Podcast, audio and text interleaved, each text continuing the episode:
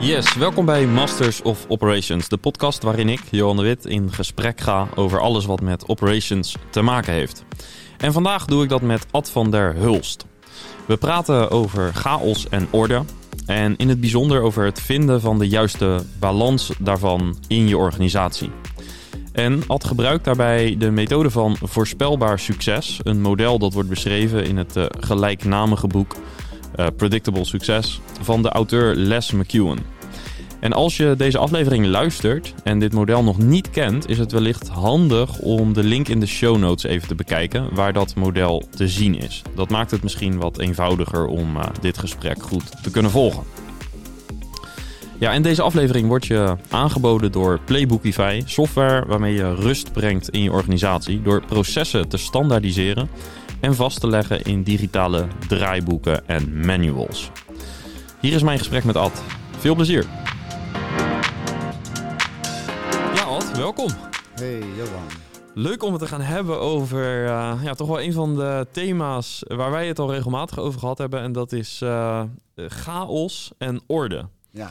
En dan vandaag in een relatie tot de rol van COO, operationeel directeur. Maar ik, jij bent gewend om daar wat breder naar te kijken, denk ik. Hè? Ja, ja precies. Ja, um, chaos en, en orde dus. Uh, misschien een grote vraag, maar uh, zou je eens kunnen vertellen waarom uh, dat twee belangrijke begrippen zijn voor het aansturen van een organisatie?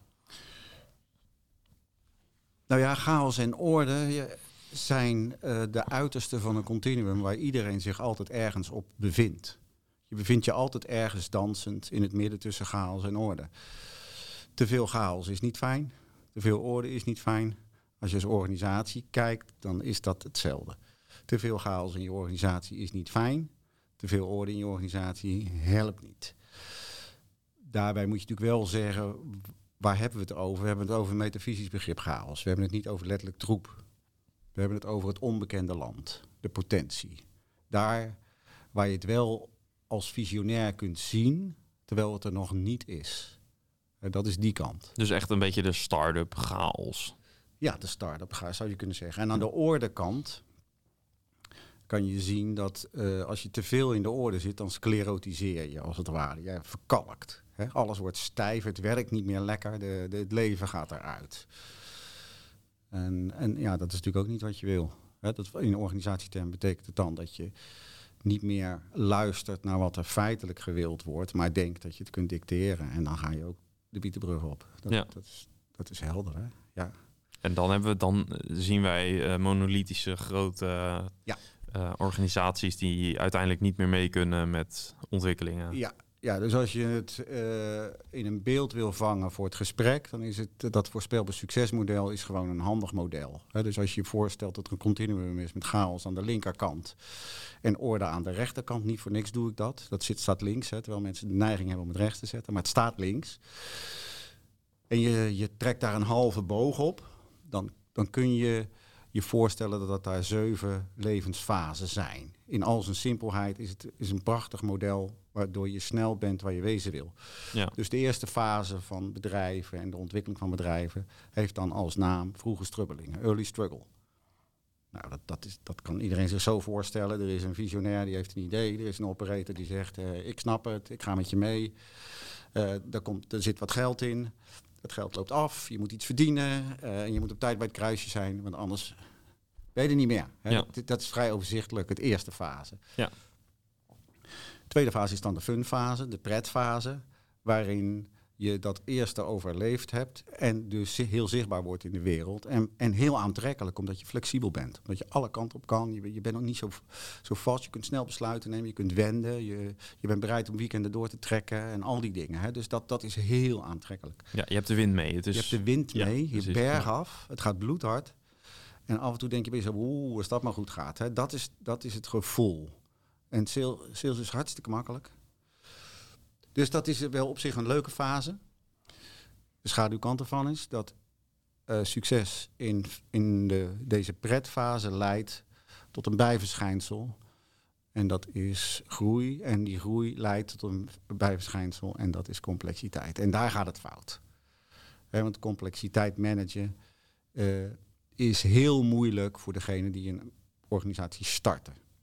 Hè, dus dat, dat zijn de, vaak de visionairs en de operators. En dat zijn nou niet degenen die geneigd zijn om te denken, ik ga het eens even standaardiseren. Die houden er helemaal niet van. Nee, dat zijn pioniers. Dat zijn pioniers. Ja.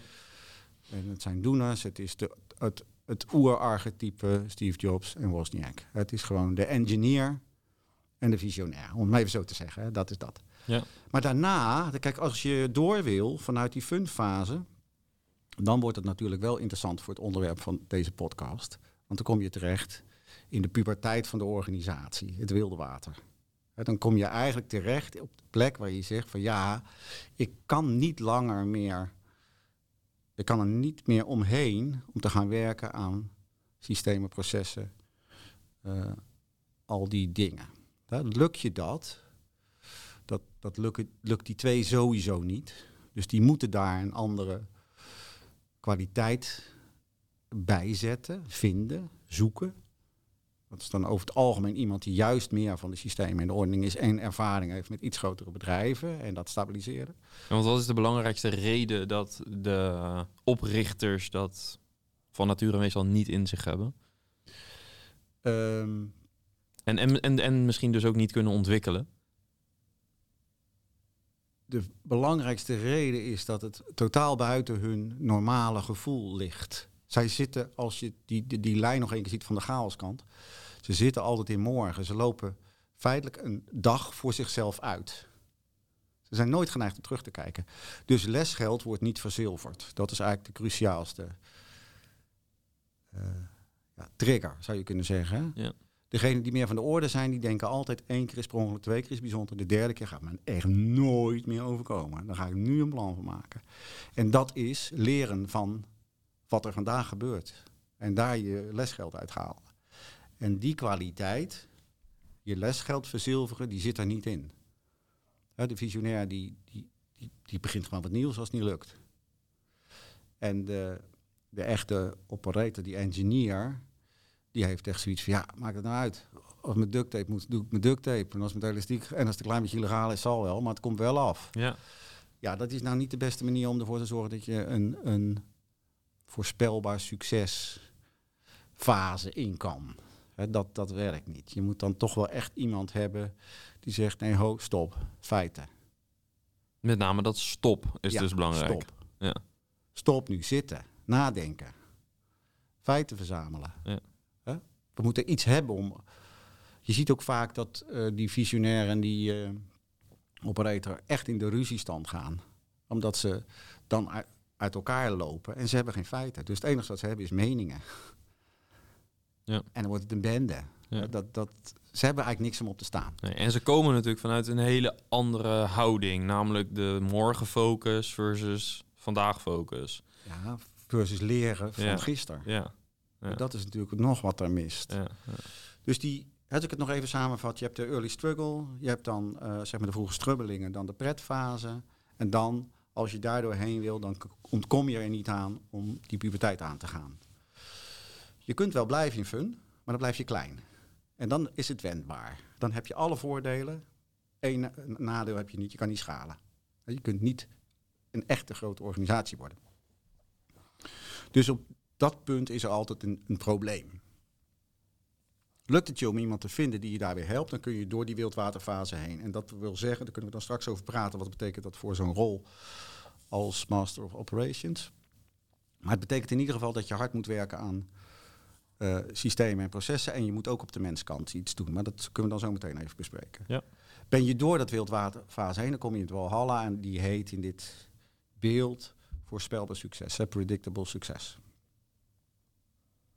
En dat is de fase waarin je zou kunnen zeggen, daar is chaos in orde in, in een soort van evenwicht. Daar, daar is een, een team wat complementaire kwaliteiten heeft, die elkaar kunnen vinden in synergetische werkbijeenkomsten, die leiden tot de beste besluiten voor de organisatie, eh, gericht op dat wat de markt vraagt en dat ook bijhouden. Die kunnen als het ware stabiliseren en dynamiseren op hetzelfde moment. En dat is heel knap als je dat kunt. Dan, dan, als je dat uithoudt met elkaar, dat je dat doet en steeds dat gesprek hebt. En zorgt dat je niet weggaat voordat je zeker weet dat je de best, beste besluit hebt voor de organisatie. Dat is heel knap. Dat zijn die beroemde voorbeelden van IKEA, eh, eh, Lego. Dus, dus ik vind het altijd heel mooi om dat te bedenken. Dat, dat zo'n IKEA-man uitgenodigd wordt door de gemeente Amsterdam en zegt van nou moet je even de snelweg omleggen. En dan zetten wij zo'n blauw doosje neer met gele lettertjes. En over anderhalf jaar werken er 500 Amsterdammers. Ja. Ik ja. En werkt het? En dan werkt het. Loop je Ja. binnen en denk je, ja, IKEA. Ja. Dat, is, Ja. dat vind ik zo allemachtig knap. Ja. Ik denk, daar zie je het echt, hè, wat dat betekent. Ja, dus als jij naar een organisatie, zoals die klein uitstapje, als je naar zo'n organisatie kijkt, naar IKEA, waar andere mensen een bedrijf zien die, ehm, op een, die, die misschien een hele goede product-marktcombinatie hebben gevonden, dus heel goed product hebben voor een grote groep mensen, zie jij eigenlijk vooral een organisatie, een groep mensen, die een perfecte balans hebben gevonden tussen chaos en orde. En dus ook tussen innoveren en betrouwbaar ouderwets degelijk zijn. Ja. Dus eh, natuurlijk hebben ze ook last van producten waar ze eigenlijk liever vanaf willen. Maar ze houden ze wel in de lucht tot op enig moment. En dan, dan, dan kondigen ze dat aan. En, Ja. dat gaat allemaal heel zorgvuldig. Hè, dus als je de, de kant die we zojuist beschreven als de warme kant beschouwt. En de, de andere kant, hè, richting chaos of richting orde. Meer als de koude kant, dan hebben ze daar die kraan. Die hebben ze heel goed in de gaten. Ja. Wordt een beetje te koud. In de zin van het verstijft, moeten we innoveren. Ja. Oh, nu worden we weer een beetje te chaotisch, dus te warm. Moet een beetje koud water bij. Dus we Ja. moeten weer iets meer systematiseren. hè. Ja. En dat spel, koud-warm, zorgen dat je de goede temperatuur houdt, dat, dat is wel heel, heel knap. ja, want je spreekt er met best veel bewondering over. Ja, Want er zijn ook weinig voorbeelden. ja Of- en ze zijn vaak tijdelijk. Ja. Dus het wil niet zeggen als je daar bent dat je daar blijft. Dus dat is ook de reden waarom het vaak doorvalt naar de andere kant. Ja. Dus als je in een situatie zit van het voorspelbaar succes. En je ziet dat je heel succesvol bent. En je krijgt de bewondering daarvan. En je denkt, zo, wij doen het hartstikke goed. En je denkt, weet je wat, we gaan ISO doen. We gaan ISO 9001 doen. En 27001. En we gaan alles certificeren. En we gaan het dus vastleggen. En we gaan mensen leren, dus doe het nou zo. ja. Want dan hebben we die certificering. En dan bewijzen wij nog meer onze kwaliteit. Koude kraan. Dat is de koude kraan. Ja. De ellende daarvan is dat je soms eh, dan de neiging krijgt en overloopt naar het idee, dit is de goede manier. Maar dat is het niet per se. Want het wil zeggen, de wereld eh, die kan wel eh, zeggen, ISO 9001 is fantastisch. Maar ja, iedereen die daar een beetje in die wereld zit, die weet, ja, je kan alle onzin eh, certificeren. Dat, dat is totaal geen garantie. Hè, de, mijn mijn eh, professortje van de Black Belt Six Sigma, die zei altijd, joh, je kan eh, echt betonnen reddingsvesten, die kan je echt certificeren hoor. Dat is geen enkel probleem. Maar je hebt er niks aan. Ja. Hè, dus je moet heel erg oppassen dat je niet je tent daarmee vastzet en dan ook nog mensen aan gaat nemen die, die goed zijn in doen zoals het hoort, die vervolgens ook nog weer mensen aan gaan nemen die doen zoals het hoort, zodat je uiteindelijk eindigt met een organisatie die doet zoals het hoort. En niet wat nodig is in die voorspelbare successituatie waarin je dat altijd uithoudt, dat het ook op plekken rommelig is. Ja. Dus dan zit je in de, in de fase na predictable succes. Die heeft ook een naam en die heet de treadmill. Dus de tredmolen. Nou, dat is natuurlijk een duidelijk beeld. Hè, dat je rondjes loopt. Ja. Beetje zinloos, rondjes loopt. Dat is op zich nog niet zo'n probleem, want je kunt vanuit die fase weer terug. En ook daar hè, is, de, is die Master of Operations in zijn kracht als die bepaalde dingen doet. Dus daar kunnen we het zo over hebben. Hè. Dus je hebt eigenlijk drie fases waarin dat echt aan de orde is. Dat Ja. is dus enerzijds de, de rol van de COO in, in, in die termen tijdens die wildwaterfase, tijdens de predictable succesfase, voorspelbare succesfase en tijdens de treadmillfase. Als je te lang in de treadmillfase blijft, is het een instabiele fase. Je gaat of terug naar voorspelbaar succes, of je valt automatisch door naar de big rut, dus de grote sleur. Ja. Ja, en dat wil zeggen dat de mensen die goed zijn in orde het over hebben genomen. En vaak kan dat heel lang uit, omdat je een paar cash cows hebt waarmee je in predictable succes bent geweest. En die nog lang nazingen, als het ware. Ja. Maar het eindigt wel. Hè? Bij, bij technologische bedrijven kan je wel zien dat het veel sneller gaat, zoals bij Nokia of zo. Daar zie je de heel snelle eh, te neergang. Ja. Maar ook bij CNA's. Of, of je ziet het wel op andere plekken. De ANWB heeft ook wel zo'n beetje kleurtje. Blokker Ja. had het een tijd. Weet Ja. je, dat je echt dacht van nou, dat, Ja. dat wordt echt niks. Ja, dus, eh, dus een blokker die lijkt zich dan toch steeds weer een beetje opnieuw uit te vinden. Dus die vinden de rode kant of de, de, de warmwaterknop een beetje. Bijvoorbeeld een VND Ja, is VND. voorbeeld wat uiteindelijk Ja. ehm, echt... eh. Niet bij de, maar aansluit bij de markt. Nee. Hè, nee. Zulke grote winkels op zo'n schaal. Ja, zulke dure plekken. Ja. Ja, daar, daar zitten de mensen niet op te wachten. ja.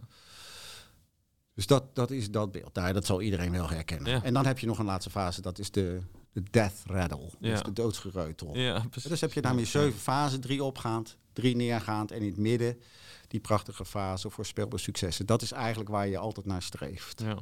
Dat eh, onbewust wil iedereen het liefst daar zitten. En blijven. Ja. En blijven. Ja, ja, ja. Ja. Je maakte zelf al net het bruggetje naar de rol van de Masters of Operations. En Ja. laten we hem even hem of haar CEO, of eh, sorry, COO noemen. Ja. Of, of eh, nou, welke andere rol dan ook, operationeel directeur. Ehm, we hebben het al een klein beetje gedaan, maar zou je per fase, om te beginnen even bij, ehm, ik zou zeggen denk ik de wildwaterfase. Eh, wat is de, de typische rol daar en hoe kan een, eh, die persoon die rol bijdragen aan eh, het verwarmen van de organisatie? Dus aan de route richting voorspelbaar succes. Ja, er zijn verschillende dingen. Dus het eerste is dat hij... eh, hij moet dus iets hebben van de koude kant. Want anders kan hij op, op die plek, op dat moment, niet zinnige dingen doen. Het is dus vaak iemand die ook echt een processorkracht heeft. Dus, en daarmee bedoel ik dat het iemand is die gericht is op processen, op procedures en dat soort dingen. Maar niet dat alleen, want dan ben je er niet. Hè. Je moet je voorstellen dat de grote vraag aan de twee founders, om het maar even zo te noemen, is: willen jullie het offer brengen om die organisatie zelf iets te laten worden? Terwijl jullie er niet meer volledig zeggenschap over hebben. Ja. En die vraag die moet je heel hard op tafel hebben. En je moet een heel duidelijk ja hebben, ja. anders hou je geen emmer. Dus ze moeten, de, de founders moeten eh, wat van controle los Ja, die moeten accepteren dat Ja. het een entiteit op zichzelf wordt, het bedrijf. Ja. Als jij nu IKEA denkt, dan denk je niet aan de baas van IKEA. Nee. Je weet niet eens wie het is. Nee. Dus dat is niet boeiend. Daar gaat het helemaal niet om. Dus dat is uiteindelijk het goede beeld. Het gaat helemaal niet over eh, zie mij CEO of, eh, of founder wezen. Dat is helemaal niet boeiend. Het gaat erom dat je uiteindelijk zegt... dit georganiseerde antwoord op die maatschappelijke vraag... is het waard om een ding te worden. Op zichzelf. Ja. Nou, dat wil zeggen dat die visionair niet meer alle kanten op kan. Die is natuurlijk geneigd om als hij terugkomt van vakantie... het, het licht wat hij heeft gezien in de managementboeken... te vertalen naar actie in de organisatie. Dat is over, dat kan niet meer. De, de engineer is geneigd om aan de slag te blijven met engineering. Dus die denkt van ja, weet je, we hebben een toeltje nodig, maar al die rotzooi op de markt is allemaal niet goed, dus ga- bouwen we zelf wel even. Nee, dat gaan we niet doen. We gaan gewoon echt iets wat iemand anders onderhoudt. We gaan geen P-system zelf in elkaar flansen. We doen dat gewoon met iets wat op de markt is en wat zichzelf onderhoudt. Hè, de hoeveelheid. Snap je dat, Ja. dat soort beelden? Hè? Ja. Dus je kan niet meer zomaar je gang gaan. Je zet, je zet jezelf in zekere zin iets vaster. Ja. Dat is één ding wat die CEO moet doen. Het tweede is dat hij heel goed moet kijken naar de, de kampioenen van die fun- funfase. Het zijn vaak mensen met eh, zweetaandelen. Hè. Die zijn niet formeel eigenaar, maar die hebben keihard gewerkt in die funfase. En die voelen, eh, die beleven dat dat bedrijf ook van hen is. Ook al zijn ze formeel daar geen aandeelhouder in of iets dergelijks. Dus die waren rots in de branding. Als je door wil, dan heb je er een paar die veranderen van rots in de branding naar steen op de weg. Hm. Die gaan in de weg zitten. Want die zeggen van ja, hoezo moet ik het nou eh, zo doen? Ik heb het altijd al zo gedaan en het werkte fantastisch. Dan heb je soms kritiek op mijn... eh, ik heb toch iedere jaar een half miljoen sales gehaald. Dan ga jij me nu vertellen dat ik een formuliertje moet invullen? Nou, echt niet. Weet je zo. Ja. Die heten in, in, in mijn terminologie heet die de big dogs. Hè, dat zijn dus de, de grote blaffers, zou ik maar zeggen. En die moet je aanpakken. Dat, dat, dat is pijnlijk, maar dat moet. En hoe pak je die aan? Ja, of er zijn eigenlijk twee strategieën die ik zie. Maar ik, dat is ook maar waar mijn ervaring zit. Hè. De ene strategie is een hek eromheen. eigen tuin geven en zeggen dit moet eruit komen. En eh, als dat zo is, is het goed. Als het niet zo is, dan, uh, dan is het einde. En de andere is, wat, wat je wel ziet, is dat er een gesprek komt. En zegt van ja, het zal moeilijk zijn om het zonder je te doen, maar ik ga het wel doen. Hm. Ik ga het wel proberen. dan is het gewoon afscheid nemen. Ja. En dat is natuurlijk lastig. Ja, want dat betekent eigenlijk in essentie dat zo iemand niet in staat is geweest om mee te groeien met de groei van het bedrijf. Nee. nee. kan niet in een georganiseerde tuin werken. Nee. nee. En dat is natuurlijk heel lastig, want dat zijn mensen met veel allure, met veel imago, met veel licht en geluid, met podium. En uh, zijn vaak ook free agents. Hè? Dat zijn mensen met eigen kunstjes, met eigen rechten maar zeggen. Verworven door goede prestaties. En, en, en ik kan me ook zo uh, indenken dat er op een gegeven moment bij, uh, ook bij de founders dit gevoel kan ontstaan. Want zij zijn in die beginfase waren zij de visionair die nodig was. Mm Maar het zou wellicht zomaar kunnen zijn dat zij zelf ook die nieuwe of die groei niet kunnen doormaken. Ja, zeker. Ja, en ik denk dat gebeurt. En dat wil zeggen dat ze in feite ook big dog zijn. Dus dan moet je daar ook mee dealen. Maar goed, dat is natuurlijk lastig omdat het dan eigendomsverhoudingen zijn. Dus, maar je moet dat gesprek in ieder geval aangaan. Dus, dus zeg maar de, de, het offer benoemen en het zorgen dat je daar serieus ja op krijgt. Dat is een van de dingen. Het tweede is die, die big dogs. Uh, ja, daarna goed naar kijken. Hè? Of, of zorgen dat mensen weer mee kunnen en het snappen. Of er afscheid van nemen. Dat is toch wel de, de, over het algemeen een thema. En het derde is natuurlijk werken aan die systemen en processen en, uh, en alles wat daarbij komt. Ja. Dat wil zeggen dus minimale uh, ja, onderbouw maken van wat er nodig is. En dan heb je het over hele simpele dingen. Dan heb je het over financiële structuur, je hebt het over de ICT die op orde moet komen. Je hebt het over soms over een, een loongebouw wat totaal uit de bocht is gevlogen. Hè. Helemaal onlogisch. Uh, sommige mensen verdienen veel te veel, sommige mensen achterlijk weinig. Uh, nou ja, je kan je van alles bij voorstellen. Al die lagen die je daar kunt benoemen. Dus dat is het werk van dat moment. Ja. Als ik het even zo in drie thema's, hè, dan is het dus het offer, ja. big dogs en systemen en processen. Ja. Daarmee ga je richting uh, voorspelbaar succes. Ja. Ik ga even kort door de bocht, maar dat kan ook niet anders in een podcast van een half uur. Uh, we zitten in predictable succes. Wat is dan de rol van de master of operation? Nou kijk, daar, daar is het dus een zekere rust. Daar is dus een, uh, je zou kunnen zeggen, een lijn van missie tot actie. Dat, dat, dat is er. Dan, dan is er dus ook een systematiek om doelen te stellen en uh, te meten of je de doelen haalt.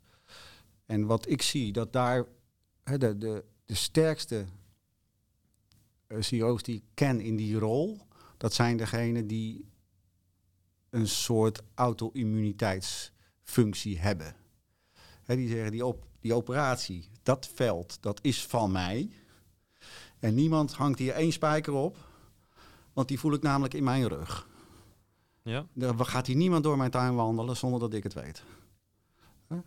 En die zegt dus op het hoogste niveau ja tegen iets. En zegt in feite, ik ga het regelen. Het komt voor elkaar. Dat is, dat is de hoofdzaak. Ja. Ja, daaronder wordt het natuurlijk gelijk heel ingewikkeld. Maar dat is de hoofdrol. Dus die zit aan tafel op dat hoge niveau. En die zegt, ja, dit is een realistisch doel, dit gaan we, dit gaan we doen. En dan, dan gaat hij de deur uit en dan gaat hij het doen. He, dan gaat hij zorgen dat het gebeurt. Ja. En dat is natuurlijk, dat is, ja, dat, dat, is heel complex en heel, heel knap. Vind ik ook weer hoor, maar dat schijnt ook. Ik vind het een hele interessante fase. En de mensen die ik ken, die waren ook echt, echt super. Echt fantastische mensen. Ik heb een keer in, op zo'n plek gewerkt. Waarbij, eh, om even een anekdote daarover te vertellen, hè, hoe dat dan werkt. Dus het ging over dat er een strategisch project was, Lean Office. Nou, dat, dat, daar kwam ik dan om de hoek. Dus ik heb dat project mee gedefinieerd met die CEO. En met een HR, een VP of HR, dat was een internationaal bedrijf. En die man die, die zei, wat heb je ervoor nodig om dit voor elkaar te krijgen? Dat we dit eh, in het tweede half jaar dat was in mei of zo dat gesprek, dat dat ook gaat lukken. Dat we dat kunnen uitrollen, dat die trainingen kunnen komen enzovoort. Toen zei ik van ja, wat ik nodig heb is een lokaal. Hij zei, maar ik wil er wel, ik wil wel dat 25 man tegelijkertijd in die klasjes zitten bij jou. Zeg, ja, dan heb je nog iets meer te doen. dan heb ik twee schermen nodig, twee presentatieschermen. Dan kan ik in het midden staan, dan heb ik een microfoontje nodig. Die mensen moeten bij hun pc's kunnen. Want ik moet ze iets leren. Hij zegt, nou, dat is goed. 1 september heb je het. Het lokaal staat er. En ik kom terug en het staat er gewoon. Het is gewoon helemaal ingericht en alles. Ja, denk van, nou, dat, dat, waar, waar, waar, zie je dat, hè? dat dat kan? Ja. Maar het is gewoon dat, ja, dat ga ik gewoon regelen. Dan gaat hij het gewoon regelen. En dan... Uh... en, en, en wat is het uh, geheim van, van dit soort uh, mensen die dat wat ze zeggen gaan doen, dat ze het ook echt doen? Nou, hij en, doet en natuurlijk niet zoveel. He, dat is natuurlijk, dat, de grootste kracht is dat hij niet zoveel doet. Mm -hmm. De grootste kracht is dat hij nadenkt. Ja. Dus hij is slim. Hij kent zijn veld. Hij weet wie die moet hebben. Als hij aan iets begint, heeft hij de resources, heeft hij, heeft hij het geld. Uh, dus het is geen geluk. Hij organiseert gewoon het succes op een goede manier. En dit betekent uh, dan ook dat je voordat je ergens aan commit, uh, dat je een goed beeld moet hebben van wat de impact gaat zijn. Ja. Hoe, hoe, hoe ziet het beslis, um, het bes, hoe ziet de besluitvorming van de echte top COO's eruit? Als zij, want ze krijgen honderd initiatieven op hun bureau. En ze kunnen er maar een paar doen. Hoe ziet het beslisproces er dan uit van zo iemand? Een heleboel komt helemaal niet op het bureau. En als het al op het bureau komt, dan valt het er gelijk weer af. Hm. Want het is niet. Het, het hoogstens waar het voor dient, al die dingetjes, is om een soort beeld te krijgen, een waarnemingsgevoel voor wat, wat gebeurt er allemaal. Kijk, het enige waar je kunt zeggen waar het. Uh, waar je wel ziet dat iemand veel onder ogen krijgt als je echt uh, zeg maar in geïmplementeerd lean hebt met uh, KSN en met verbeteren. Continu verbeteren, precies. Ja. En dan heb je met die, die tires, met zeg maar, zeg maar dagstart op het basisniveau, uh, weekstart op een hoger niveau, ja. maand. Hè, dan, dan krijg je met ja, war rooms, met overzichten, ja. dat, dan heb je allerlei informatie. Ja. Maar ik denk dat de grootste kracht is bij die lui is gewoon focus. Ja. Gewoon niet veel doen. En dat wat je doet, gewoon supergoed doen. Ja. En je niet af laten leiden door allerlei onzin. Ja. Er zijn ook geen mensen die, die naar mijn beleven, ik, ik vond het ook niet zo dat die mensen nou heel hard werkten. Dat ze mij de indruk maakten dat ze hard werkten. Hm. Het heeft geen nut om 80 uur na te denken. Nee. Dat, dat, dat werkt niet. Als je dat twee uur per dag doet en je doet het serieus, dan is het al heel veel. En dan kan je de rest, kan je rondjes ja. van de zaak doen en eens kijken hoe het, hoe het erbij staat. Ja. En je komt natuurlijk ook op het punt van alignment. Maar dat is een onderwerp op zich, denk ik. Want dat, ja, daar moet je dan ook je beelden bij opbouwen. Maar ik zie dus het meeste in uh, goede teams bouwen. Hè, dat is natuurlijk altijd een ding. Hè, dat, dat moet je natuurlijk kunnen. Uh, communicatie moet je op orde hebben. Je moet je eigen workflows op orde hebben. En je moet vooral ook een auto-immuniteitsschil zijn. Niet de gekte van alles zomaar naar binnen laten waaien. Nee. Ik kwam ook in een organisatie waar het was net corona. En dan uh, had ik een gesprek met zo'n zo'n rol. En het verbaasde mij dat daar, wat ik in alle andere organisaties had, dat je een soort uh, lijntjes op de grond en uh, looppaden om de lift heen en allemaal. Dus ik vroeg daarna waarom hij dat niet had. Ja, ja die lui, je zijn niet debiel. Die snappen dat wel, dus afstand moeten houden. Dan ga ik geen lijntje op de grond zetten. Dat, ja. Daar zou ik de kleuters van maken. Dat wil ik helemaal niet. Ik wil ja. dat die mensen gewoon uh, nadenken en die hun ding doen. En dat is totaal tegenstrijdig aan de cultuur die ik voorsta. Als ik dat zou gaan doen. Ja. Dus dat doe ik gewoon niet. He, dus dus dat is zo'n soort iets waarvan je denkt van ja, daar kan je natuurlijk ontzettend door laten afleiden. En ik zal niet zeggen dat iedereen gek is die dat wel doet. Maar ik vond dit wel een heel sterk voorbeeld van iemand die zegt, ja, in mijn domein kan iedereen daar wat van vinden. En dan kan er geen idee mij uh, dingen sturen, maar ik ga het niet doen. Ja. ja, sterk. Ook omdat dat waarschijnlijk een indicator is dat het op andere vlakken ook op die manier uh, ja. naar gekeken wordt. Ja, ja. dus ja. niet zomaar alles doen. Nee. Uh, dat is op zichzelf al een mooie TKW. Um, dus fase opschuiven. Ja. we zitten nu in de fase tredmolen waar het eh, te koud wordt. Hoe brengt een COO chaos? Of hoe haalt die structuur eruit? Ja. Hoe zou je het verwoorden? Ja, ik ben meer van. eh,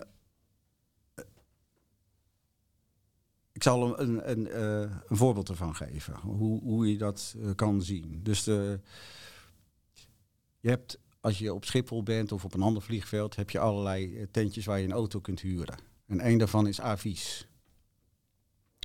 En er was een situatie met Avis dat het niet goed ging met dat bedrijf.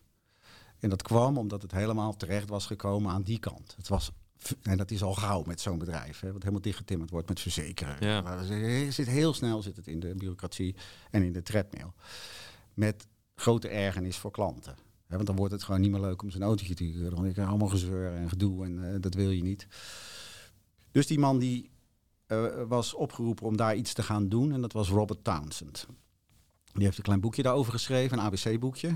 Dus over iedere, iedere letter een anekdote.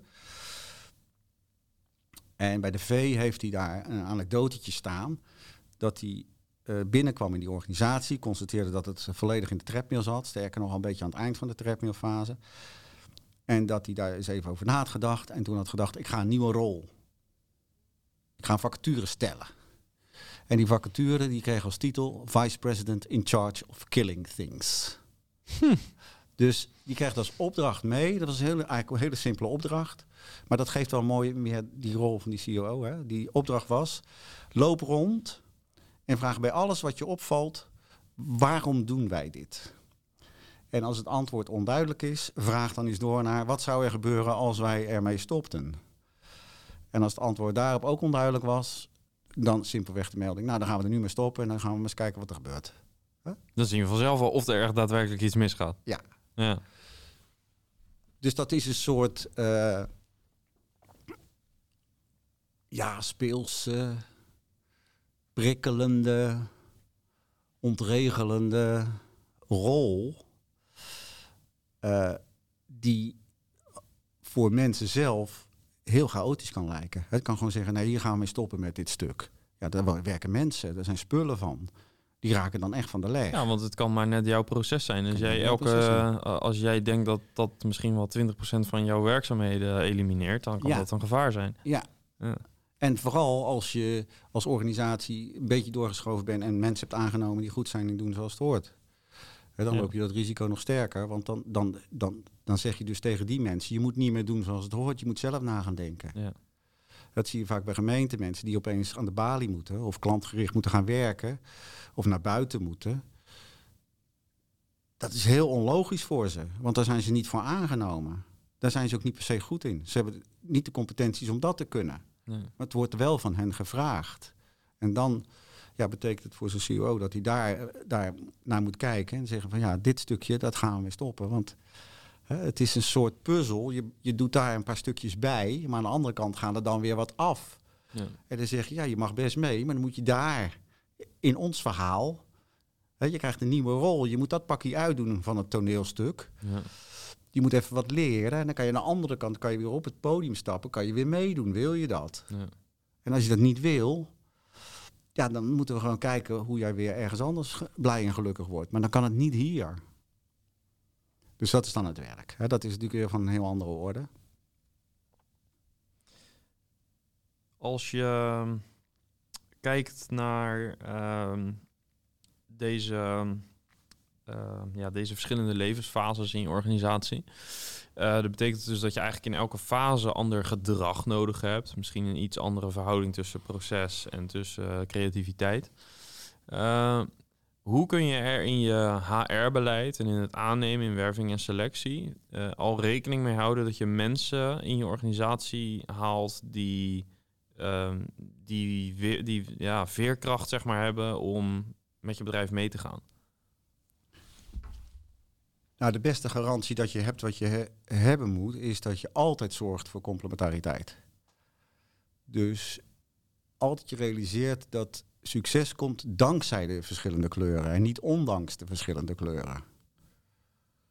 Dus dat is vooral de kunst. Dus wat voor tools je daarvoor gebruikt, Ja, dat kan DISC zijn of andere assessments of uh, insights of management drives of weet ik veel. Maar je moet op de een of andere manier moet je respect en tolerantie kweken voor anders zijn. Hm. Want je hebt ze namelijk allemaal nodig in de middenfase. Uh, maar tegelijkertijd is dat een, een potentiële irritatiekant. Ja. De, de, de visionair die gaat in zijn tijdsbeleven zeven, zeven keer zo snel als de processor. He, die denkt van, nou, dit, dit uh, gaan we toch doen, is morgen toch af?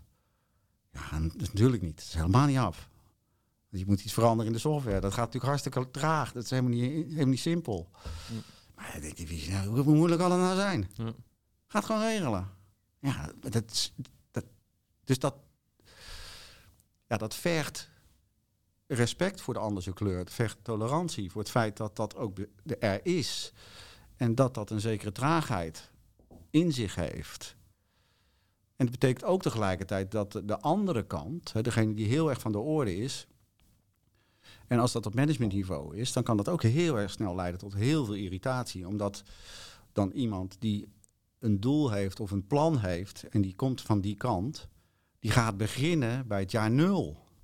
Ja. Die gaat met 40 slides aantonen waarom het logisch is wat hij wil. Ja. Maar die snelle jongens, die zitten al lang in hun gedachten op de Bahama's. Die, die, die maken dat echt niet mee. Die gaan daar niet naar luisteren. Nee. Dat, is, dat is niet goed.